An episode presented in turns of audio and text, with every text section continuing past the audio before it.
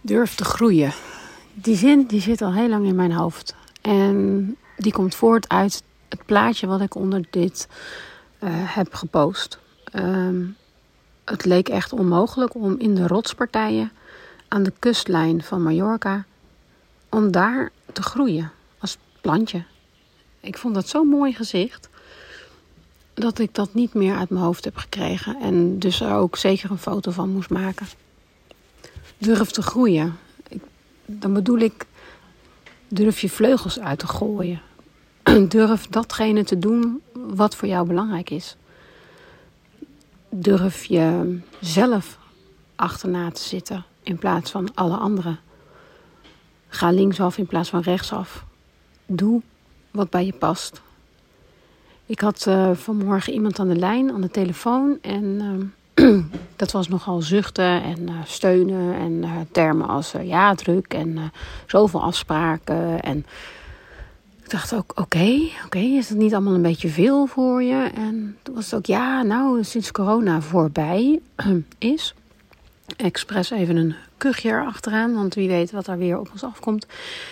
Maar goed, het, lijkt net alsof iedereen in één keer, uh, nou ja, weer, weer wil feesten, uh, afspraken wil maken bij elkaar komen, connecten. Ja, een, een, hele logische reactie. Ik heb daar natuurlijk zelf ook behoefte aan. En ik neem er zelf ook aan deel. Ik, ik vind het fijn om mensen om me heen te hebben. Um, dat, is, hebben we ook echt wel, of hebben we, dat heb ik ook echt wel gemist in de periode dat het even niet kon. Ik heb het wel gedaan, maar uiteraard wel op een lagere frequentie. Um, maar het kan ook overweldigend voelen. Hè? Als je inderdaad het idee hebt dat, dat je continu van, van, van feestje naar receptie, naar afspraakje en naar etentje uh, rent, dan geniet je er helemaal niet van. En als je dan ook nog een baan hebt die veel van je eist, uh, waar je uh, veel uur in stopt per dag, dan heb je ongemerkt straks een agenda die bestaat uit, uit werken, verplichte activiteiten. Ook al zijn ze heel erg leuk. Als het te veel is, dan is het niet meer leuk. En dan uh, ben je back af. Dan loop je constant achter jezelf aan. En vergeet je ook eigenlijk wat er voor jou belangrijk is.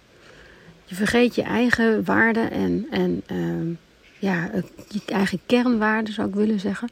Uh, waarnaar je eigenlijk je leven wilt inrichten.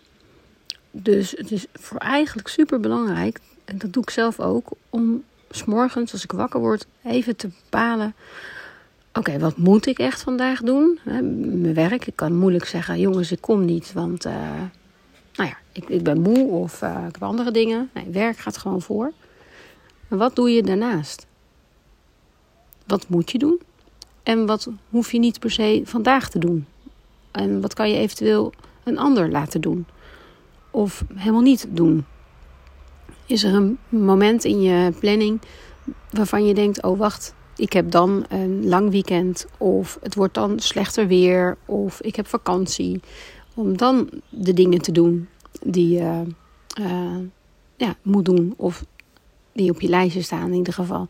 Als je zo kijkt en je prioriteiten stelt aan de echte dingen die ertoe doen, dan kun je vaak al een heleboel uh, afstrepen. Degene die ik aan de telefoon had, die uh, is een veranda in zijn tuin aan het bouwen. Hij weet dat het niet afkomt voor het eind van augustus. Maar toch zitten alle vrije minuten in die veranda. En denk je, waarom? Is het, om, is het een bepaalde drive van het moet af, het moet af? Terwijl je weet dat het onafhankelijk van de momenten en de tijden die jij erin stopt, het helemaal niet afkomt. Uh, of heb je er nou echt plezier in? En als het laatste niet het geval is, stop er dan mee. Stop er minder tijd in. Stop tijd in andere dingen waar je wel energie van krijgt. En zie het niet zoals een moeten. Ja, de veranda is dicht, heb ik me laten vertellen. Het dak zit erop. Nou, zet er lekker wat stoeltjes neer. Ga alvast een beetje eh, genieten van wat er staat. Want jongen, jongen, het is nog niet wel wat. Zoveel tijd, energie, uitdenken, eh, centjes er tegenaan gooien natuurlijk. Het ziet er echt schitterend uit. Hang er een schommel in en geniet ervan. Het komt vanzelf af. Maar vergeet niet daarin jezelf voorbij te rennen. En wat ik bedoelde met elke ochtend, ik kijk altijd wat ik moet doen, hè, welke afspraken ik heb voor mijn werk. huishouden of zo, dat zet ik er niet in, want dat is niet iets wat moet. Ik, kan koken, maar kan het ook niet doen. Ik kan ook gewoon broodjes eten of ik kan een van de anderen in het gezin vragen iets op tafel te zetten. Dat is niet per definitie mijn taak.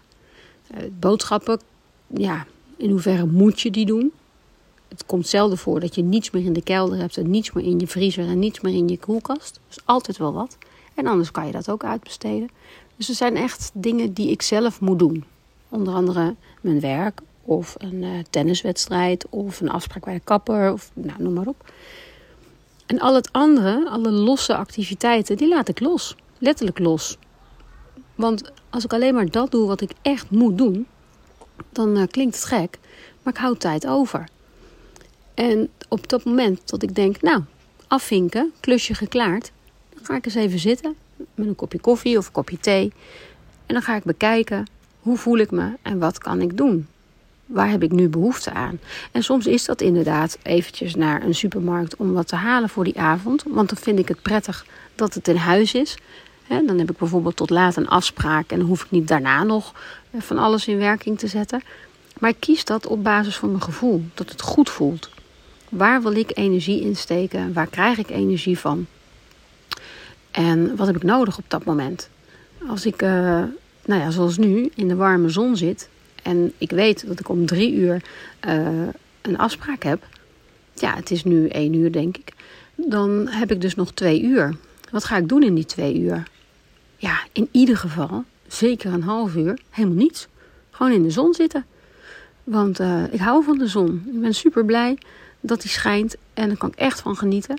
Dan werk ik liever vanavond een half uurtje langer door dan dat ik me nu opsluit binnen, uh, geen zonlicht voel en uh, eigenlijk niet zo fijn aan het werk ben. Want dat is het ook, hè?